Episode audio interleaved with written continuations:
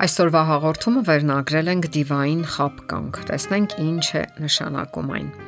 Աստվածաշնչում կարդում ենք. Չգիտեք, որ դուք Աստծո տաճարն եք եւ Աստծո հոգին բնակվում է ձեր մեջ։ Եթե մեկը Աստծո տաճարը քանդի, Աստված էլ նրան կկործանի, որովհետեւ Սուրբ է Աստծո տաճարը, որ դուք եք։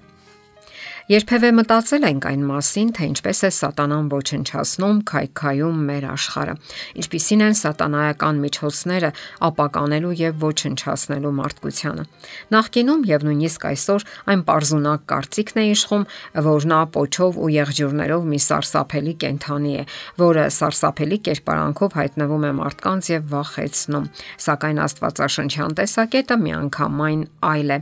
Աստվածաշնչում կարդում ենք, որ սատանան լույսի կերպարանք է առնում եւ հայտնվում մարդկանց լույսի հրեշտակի կերպարանքով։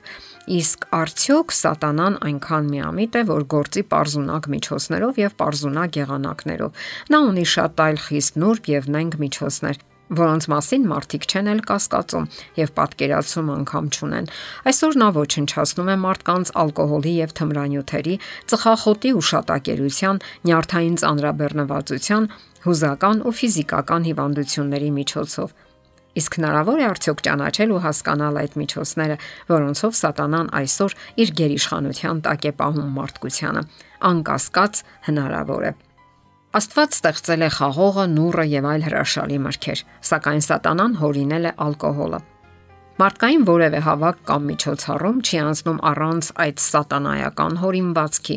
Մարդիկ ստեղծել են մի ամբողջ գիտություն դրա մասին, ամբողջ հսկայական արդյունաբերություններ աշխատում են այդ ուղղությամբ։ Հստակ ու ճշգրիտ գործում են գովազդային մեխանիզմները եւ ցանկանում են ապացուցել, որ ալկոհոլը օգտակար է մարդկային օրգանիզմի համար։ Սահմանում են այն չափաբաժինները, որոնք իբր թե անվտանգ են եւ որ հարկավոր է պարզապես քիչ խմել, իմանալ չափը։ Խմել առիթների դեպքում, ընկերական հավաքներում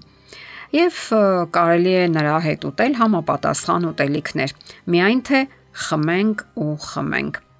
Շրջանառության մեջ է դրվում նույնիսկ այնպիսի անհեթեթ հորինվածք, որ Հիսուսն ինքն էլ գինի է խմել։ Եվ այդ հորինվածքի համար վկայակոչում են Աստվածաշունչը։ Աստվածաշնչյան մեկնությունն այն է, որ Հիսուսը խմել է խաղողի մաքուր, չթթվեցրած հյութը։ Այն պարզապես ուներ գինի անվանումը, որը ենթադրում էր խաղողի մաքուր հյութ։ Հնարավոր է նույնիսկ պատկերացնել, որ Հիսուսն իր աշակերտների հետ նստած գինի էր խմում։ Հնարավոր է անգամ պատկերացնել, որ աշխարհի փրկիչն ու տիրակալը ցույց էր տալիս օրինակն այն բանի, թե ինչպես կարելի է ալկոհոլ օգտագործել եւ բթացնել ուղեղը, խաթարել մարդկային մարմնի ողջ օրգան համակարգը եւ նրանց ներդաշնակ ու կատարյալ փոխհարաբերությունը։ Ինչպես է հնարավոր անգամ պատկերացնել, որ կարող էր ալկոհոլի բաժակ բարձրացնել նա, ով միայն իր խոսքով ապակինում էր հիվանդներին եւ կենթանացնում մեռյալներին։ Արդյոք նա կտար օրինակն այն բանի, թե ինչպես կարելի է ոչնչացնել օրգանիզմի կենթանի բջիջները, ընկնել մշտական վիճաբանությունների ու կռիվների մեջ, վաղաժամ մահ ճաշակել, դառնալ հարբեցող եւ կորցնել մարդկային բնականon կերպարանքը անկասկած անհնար է նման բան անգամ պատկերացնել Մարդիկ պարզապես որոնում են առիթ ու պատճառ, որ արդարացնեն այդ օրինականացված թույնի օգտագործումը։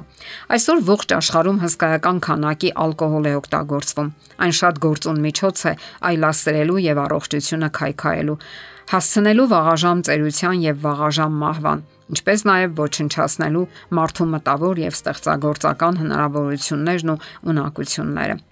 Պարզվել է, որ զարգացած երկրների բնակչության մոտ 75%-ը ալկոհոլ է օգտագործում։ Սա հսկայական թիվ է, որը ցույց է տալիս կախվածության աստիճանը։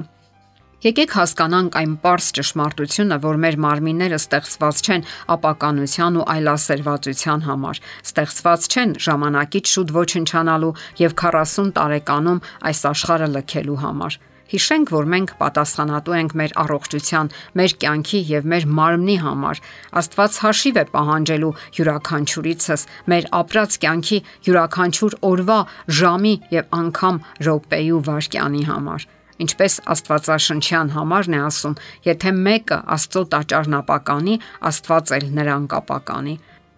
Մենք կզրկվենք ոչ միայն երկրային կյանքից, այլև հավերժական կյանքից։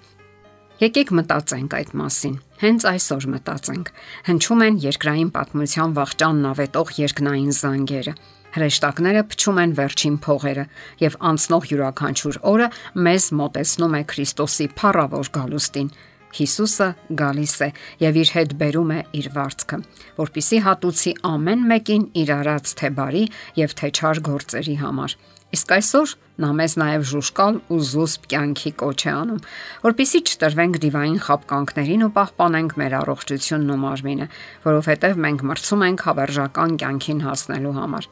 Եթե մարզիկները առողջ ու ժուշկալ են մարզական հաջողությունների եւ մեդալների նվաճումների համար, ապա քրիստոնյան պետք է պայքարի հավերժական կյանքը նվաճելու համար։ Ահա թե ինչու Աստծո խոսքն ասում է.